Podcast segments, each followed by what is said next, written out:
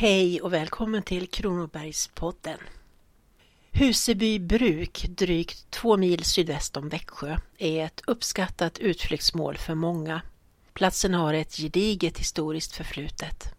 I början av 1400-talet var namnformen Hosaby och avslöjar att här vid Helige Ås utlopp, det vill säga Oset, åmynningen, i sjön Åsnen, fanns en bosättning, en by, som säkerligen hade varit bebodd länge. Arkeologiska utgrävningar visar till exempel att på den plats där besöksparkeringen idag är belägen fanns tidigare en vikingaby med inte mindre än 24 byggnader. I början av 1600-talet anlades det järnbruk som sedan kom att äga bestånd i mer än 300 år just på denna plats. Här fanns nämligen både sjömalm, rika skogar och vattenkraft. Allt som var en förutsättning för att kunna producera järn. Och på Huseby bruk satt också brukspatronen Peter Rudebäck vid sekelskiftet 1700 och skrev ner Bländasägnen där han blandade fantasi och fakta i sin återgivning av hur världens kvinnor med Blända i spetsen stod upp och drev bort de leda danskarna när de anföll deras kära hembygd. De upprepade danska attackerna mot Småland är historiskt belagda och vid flera tillfällen har sådana orsakat ödesdigra stadsbränder i Växjö. Men det är inte bara den vackra bruksmiljön som lockar besökande i stora mängder till Huseby. Också historien kring godset och inte minst familjen Stevens är en stark magnet. Den inbegriper både kontakter med kungahuset och vanskötsel av godset genom dåliga rådgivare och inkompetenta, för att inte säga ohederliga förvaltare. Men också eldsjälar som brunnit för sina forskningsuppgifter och som utfört arbeten som har burit frukt ända in i nutid.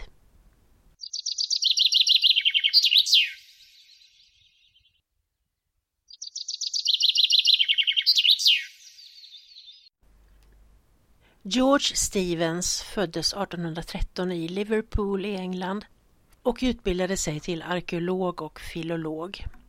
Som 21-åring flyttade han och hans hustru till Sverige men reste runt mycket också i övriga skandinaviska länder och studerade nordisk fornlitteratur och fornhistoria samt ballader och sägner på jakt efter upplysningar om äldre tiders etnologi.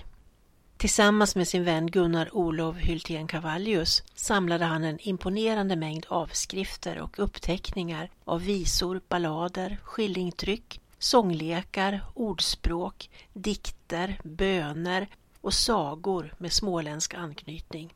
Dessa förvaras idag på Växjö stadsbibliotek. Tillsammans samlade och utgav Stevens och Hyltén Cavallius också svenska folksagor och äventyr i två häften. Stevens var professor i engelska språket och litteraturen vid Köpenhamns universitet samt hedersdoktor vid Uppsala universitet. Han var en stor beundrare av Växjöbiskopen Esaias Tegnér och översatte dennes diktverk Fritjofs saga till engelska med titeln Fritjofs saga A Legend of the North. Tegnér skrev härom Översättningen är trogen, men det är med översättningar som är fruar. De trognaste är och sällan de vackraste. Härigenom avsåg han Stevens brist på poetisk känsla och oförmåga att finna de rätta nyanserna vid översättningen av rimmen. I ett brev till vännen Frans Mikael Fransén skriver Tegnér att han helst hade sett Stevens översättning otryckt med alla dess lyten. Sonen Joseph föddes i Stockholm 1841. I 20-årsåldern reste denne till Indien där han under de kommande tio åren arbetade som järnvägsbyggare och entreprenör och även handlade med bomull, något som gjorde honom mycket förmögen. Faderns gamle vän Gunnar Olof Hyltén Cavallius, som för övrigt var gudfar till Josef, tipsade honom om att köpa Huseby bruk som var till salu med järnbruk, såg, kvarn, skog och inte mindre än 46 jordbruksfastigheter. De tidigare ägarna Bröderna Malcolm och Hugo Didrik Hamilton hade kommit på ekonomiskt obestånd och gått i konkurs och därtill blivit omyndigförklarade. Joseph kom hem till Sverige och slog till och blev bruksägare år 1867, bara 26 år gammal. En bidragande orsak kan ha varit att han blivit blixtförälskad i Hyltén-Cavallius dotter Anna, som han var förlovad med tills dess att Anna senare bröt upp förlovningen eftersom hon var kär i en annan. 13 år senare, under vilken tid han återvände till Indien för ytterligare ett och ett halvt års arbete, gifte han sig istället med Elisabeth Kryger som han träffat under en vistelse vid Ronneby brunn i Blekinge. Med henne fick han sina tre döttrar Florence, Mary och Margaret, kallad Maggie. Och det är Florence som Huseby bruk därefter mer än något annat har kommit att associeras med. Det är också hon som står i fokus för den tragiska historiedel som vidhäftar godset och för vilken både känslor och sympati väcks hos den som får höra den berättas. Den så kallade Husebyaffären, som var en av de riktigt stora mediehändelserna under svenskt 1950 och 60-tal.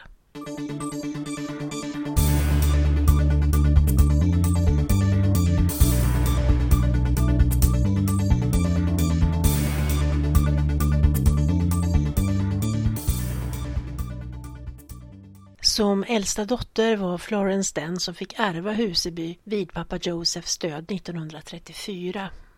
Godset med tillhörande gårdar var då en av de största skogsegendomarna i Småland. Hennes okunskap i fråga om både ekonomi och hur man driver ett gods gjorde henne dock beroende av anställd personal som bedrev självsvåldiga och vidlyftiga och rent av skandalösa affärer avverkade skog i smyg och vanvårdade jordbruket. Påhittade köp presenterades som Florence fick betala för och pengarna stoppades i egna fickor. Bokföringen sköttes bristfälligt och med stora luckor och felaktiga poster redovisade. Åtskilliga miljoner kronor bara försvann på detta sätt. 1955 hade till exempel Berl Gutenberg anställts som förvaltare på Huseby. Han hade storstilade planer på att anlägga en djurpark vid Huseby där världens största älg skulle förevisas tillsammans med olika exotiska djur. Och Nöbbele förfallna gästskiveri skulle göras om till ett värdshus av internationell klass med satsning på småländsk husmanskost och smörgåsbord. Gutenberg dömdes senare till tre och ett halvt års straffarbete för förskingring och omfattande ekonomisk brottslighet och för att han uppsåtligen hade avlurat Florens stora penningbelopp. Godsets ekonomi undergrävdes under de närmast kommande 20 åren som förflöt efter Joseph Stevens död och läget på Huseby förvärrades rent av så pass att kommunfullmäktige i arbetarkommunen i Skatelöv till sist föreslog att Florence skulle omyndigförklaras. Detta efter att finska skördearbetare 1956 inte hade fått sina utlovade löner och en konflikt hade blossat upp och man därtill ville förhindra att arbetarna på godsets trävarufabrik skulle sägas upp och deras familjer tvingas flytta. Omyndigförklaringen skedde också 1957 efter initiala protester från Florence. Florence förblev omyndig ända fram till tre år före sin död 1979. Under de sista tre levnadsåren hade hon istället god man. Men livet ut upprätthöll hon en värdig fasad och bibehöll på alla sätt den livsstil som hon hade vuxit upp med. Hon var mycket intresserad av konst, satt som representant i vattendomstolen under flera tvistefrågor och var starkt emot sänkningen av sjön Salen. Hon var också engagerad i både djurskyddsfrågor och filantropisk verksamhet till behövande.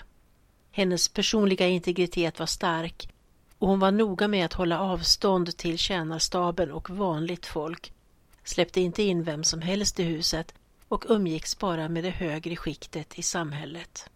Kungahuset var föremål för hennes livslånga beundran. Till exempel utsåg hon prins Karl, sonson till kung Oscar II, till universalarvinge till Huseby även om han aldrig fick ärva något utan Florence istället vid sin död testamenterade godset till svenska staten. Men prinsen var en av de många kavaljererna, kanaljerna och lurifaxarna som omgav henne i egenskap av dåliga rådgivare som svindlade henne på pengar. Och han blev också föremål för åtal och indragen i en långdragen rättegång. Han frikändes trots att han erkände sin del i det hela. De omfattande tidningsskriverierna och den negativa massmediala uppmärksamheten kring prinsen ledde till att han så småningom lämnade Sverige och flyttade till Spanien där han kom att bo fram till sin död i en liten by nära Malaga. Där han av lokalbefolkningen kallades Principe, det spanska ordet för prins, och var nära vän med Alice Babs. Rörande nog betalade Florence ännu under sitt sista levnadsår en utlandsprenumeration på Smålandsposten åt Playboy-prinsen, som han kallades, och som skickades till hans bostad i Spanien. Hon sände också per post ett exemplar av Gunnar Franzéns bok Värend och världen åt honom sedan den kommit ut. Hon trodde verkligen i sin oskuldsfulla godtrogenhet att han skulle intressera sig för vad som hände i Småland. Florence Stevens vurm för kungahuset var inte grundlös utan familjen hade verkligen kopplingar dit. Dels genom Florence morfar, Karl-Henrik Kryger som hade varit kadettkamrat vid flottan med kung Oscar II och därefter blev dennes nära vän. Och dels genom att Elisabet själv hade haft en tjänst som hovdam åt drottning Sofia. Då Josef och Elisabet gifte sig 1880 i Skeppsholmskyrkan var till exempel kungen närvarande och han besökte därefter själv vid återkommande tillfällen både Huseby och familjen Stevens hem i Stockholm där han bland annat anordnade högläsningsaftnar. Men också Joseph hade egna band till kungahuset genom att hans far George Stevens och dennes vän Gunnar Olof Hyltén Cavallius var medlemmar av Oscar IIs hemliga råd. Joseph var därför till exempel inbjuden att bevista Oscar IIs och drottning Sofias kröning år 1873. Alla tre systrarna Stevens blev för övrigt också introducerade vid det kungliga hovet i 20-årsåldern och om somrarna umgicks familjen Stevens med kungafamiljen i Marstrand. Det finns rent av spekulationer om att Florence skulle vara hemlig dotter till Oscar II. Men hur det är med den saken får man inget veta förrän tidigast år 2035. Florence hade vid sin död 1979 testamenterat ett tjugotal brev från kung Oscar II till hennes mor Elisabeth till det bernadotteska familjearkivet på Stockholms slott med anvisning om att de skulle vara hemligstämplade i 30 år fram till år 2009. Men när tiden var inne beslöt kung Carl XVI Gustav att förlänga sekretessen i ännu 26 år.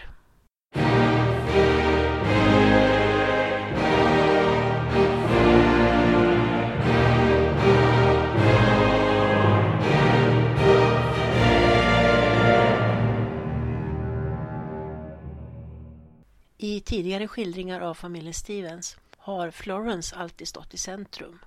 Men det kan vara intressant att få veta lite mer också om hennes systrar.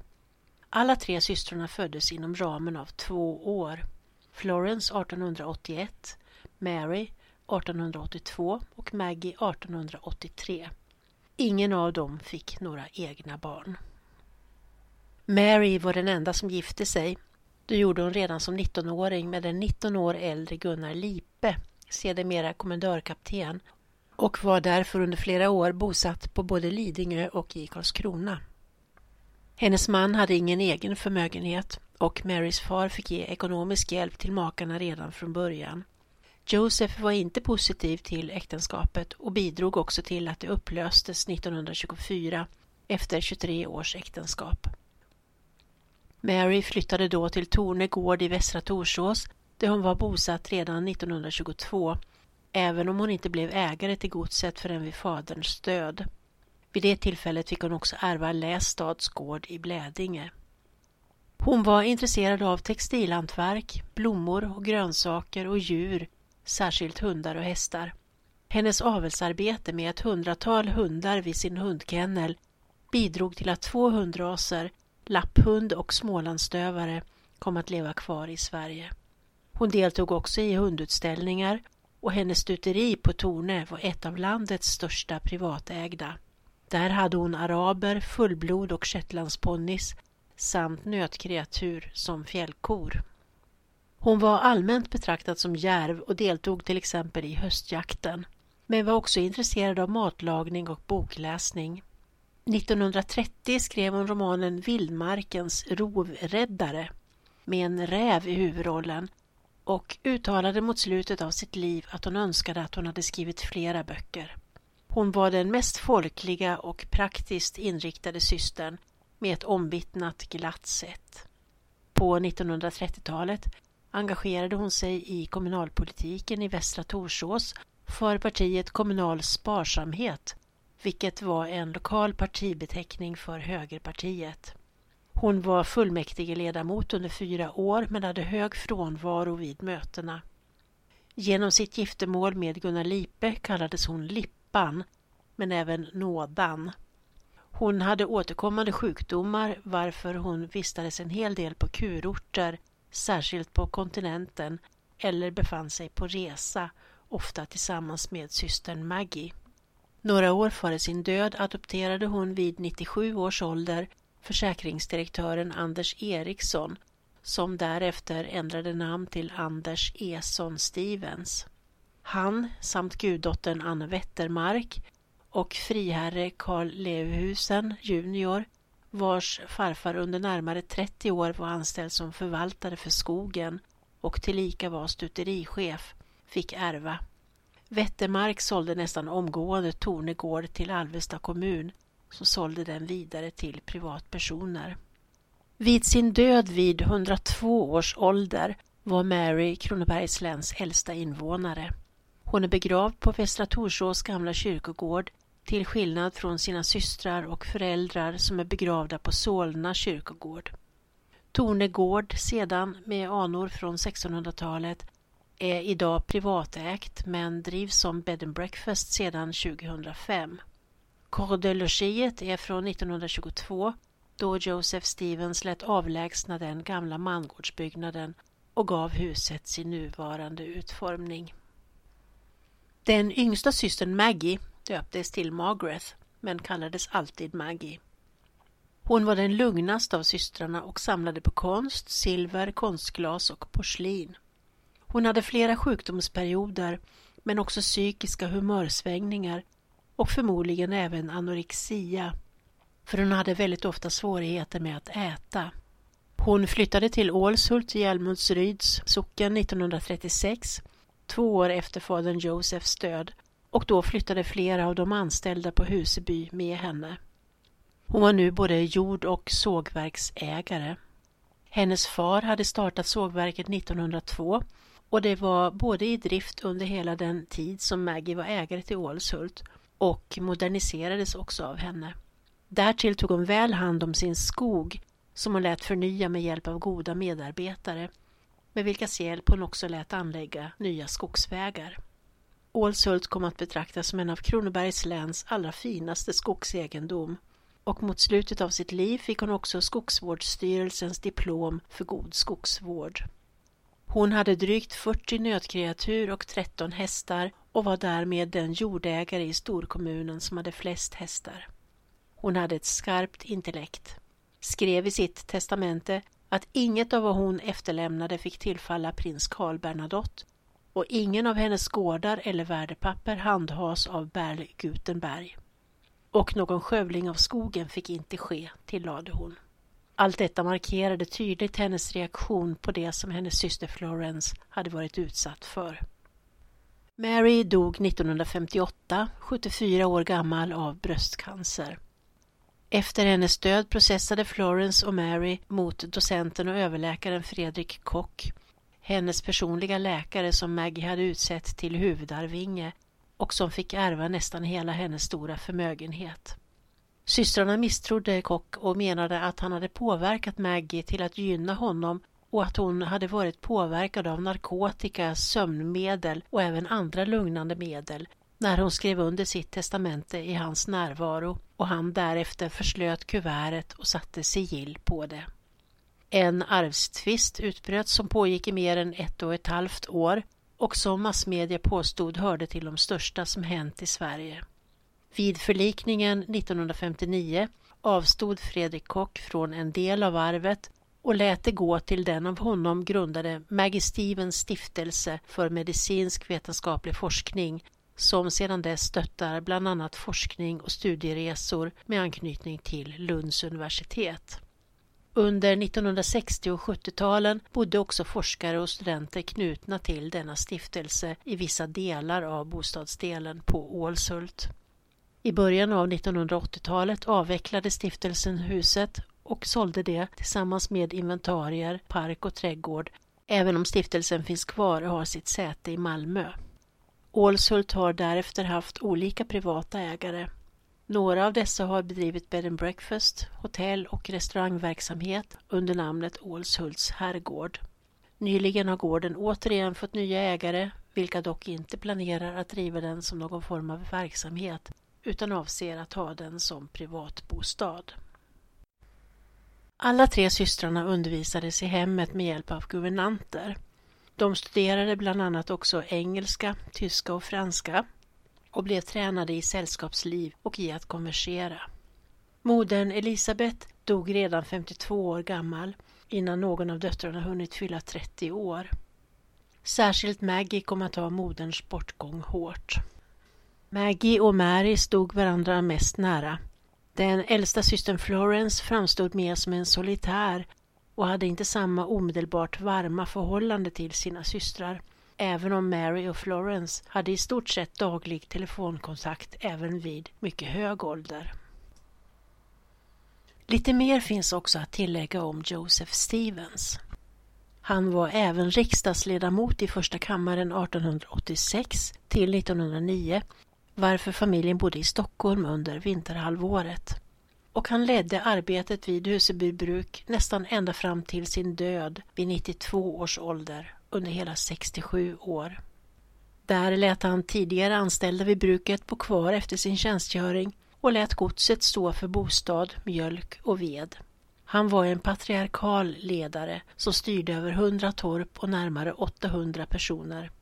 Han styrde ner på detaljnivå med sparsamhet, stränghet och noggrannhet. Däremot hade han inte mycket till övers för fackligt arbete och motsatte sig sådan verksamhet vid bruket. Han var en patriark av den gamla stammen som själv ville skipa rättvisa och löna lång och trogen tjänst med pensionsförmåner som han själv tänkt ut. Han uppfostrade sina döttrar med kroppslig aga när han ansåg det vara tillbörligt och därefter fick de visa sin ånger och respekt för honom genom att kyssa honom på hand. Poeten Karl Wennberg, som föddes på torpet Gåvetorp inte långt därifrån och som ägdes av Stevens, har skrivit och berättat om den skräck han kände inför brukspatronen och hur han kunde rya åt hans far.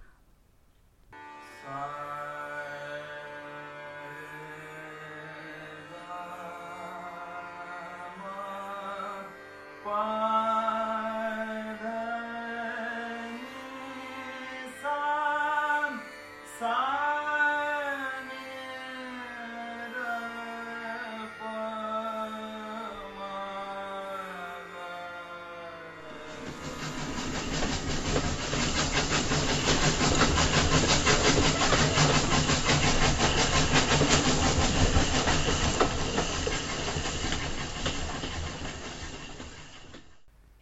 Början på 2000-talet hittade man på vinden på Huseby en kista med dokument som gick tillbaka till Joseph Stevens tioåriga tid i Indien.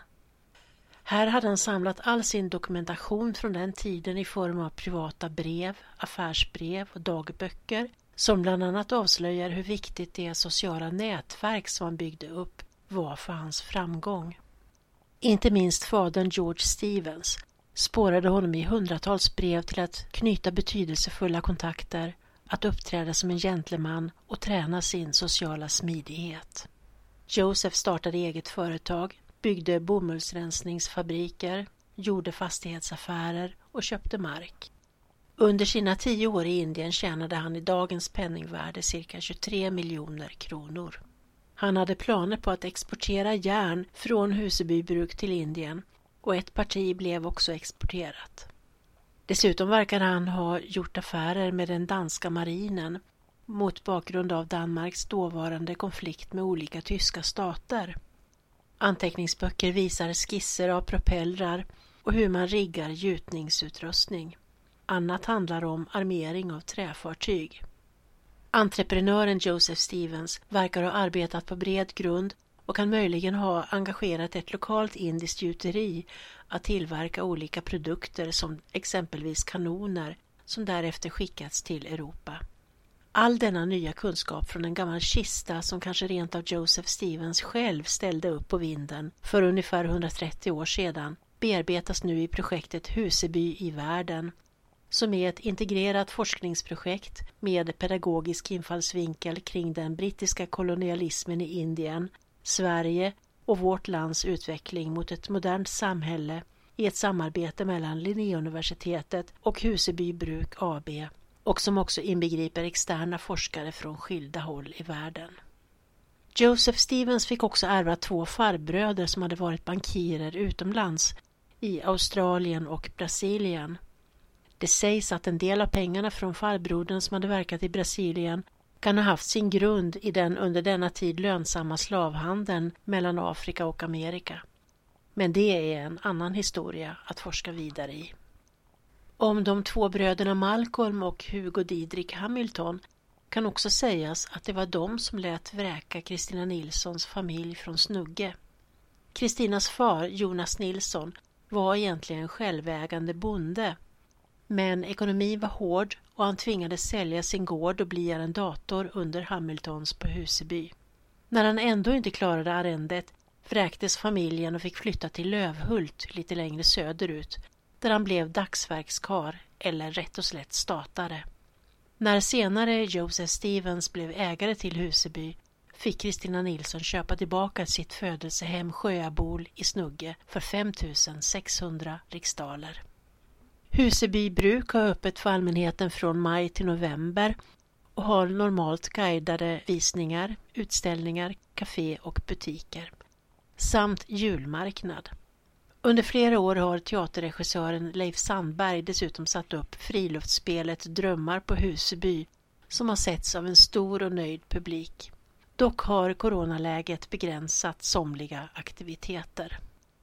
Det finns en hel del i fråga om både böcker och artiklar att vända sig till om man vill fördjupa sig i historien om familjen Stevens på Huseby. Det allra senaste tillskottet är docenten i historia Erik Wångmars på samma gång både detaljerade och lättlästa biografi över Florence Stevens från 2020 med titeln Husebyfröken. För övrigt kan det vara en kuriositet att nämna att Vilhelm Moberg 1962, under samma tid som rättegångarna pågick i fråga om Husebyaffären, skrev ett skådespel vid namn Sagoprinsen där han beskriver hur en äldre förmögen dam blir förtjust i en världsvan och charmig prins som dock tillsammans med sina vänner lurar av henne stora summor pengar. Pjäsen uppfördes på Göteborgs stadsteater med Karin Kavli i huvudrollen och Florence Stevens tog illa vid sig av att hon gjorts till åtlöje inför Göteborgspubliken.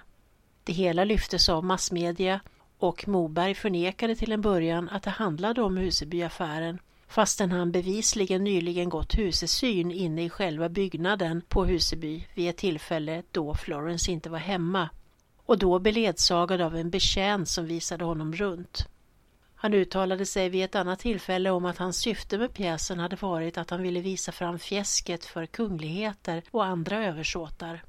Han inbjöds också att närvara i ett tv-program för att där närmare förklara sig men då tog han saken i egna händer och gav tidningspressen en rejäl avhyvling över att man överhuvudtaget kritiserade honom. Med Florence Stevens själv ägde en förlikning rum sedan han först skrivit ett brev till henne och därefter träffade henne på ett hotell i Stockholm där också advokat Henning Sjöström och hans hustru var med. Och runt ett bord där både kaffe, cigaretter och diverse drycker stod framdukade kunde de sedan i endräkt lägga sagoprinsen till handlingarna. Mycket finns det att berätta om det natursköna Huseby bruk och all den historia som har utspelats där. Nu har du fått höra en del av den. Tack för att du har lyssnat. Jag som har berättat heter Ella Styv och finns till vardags på Växjö stadsbibliotek. På återhörande. Hej!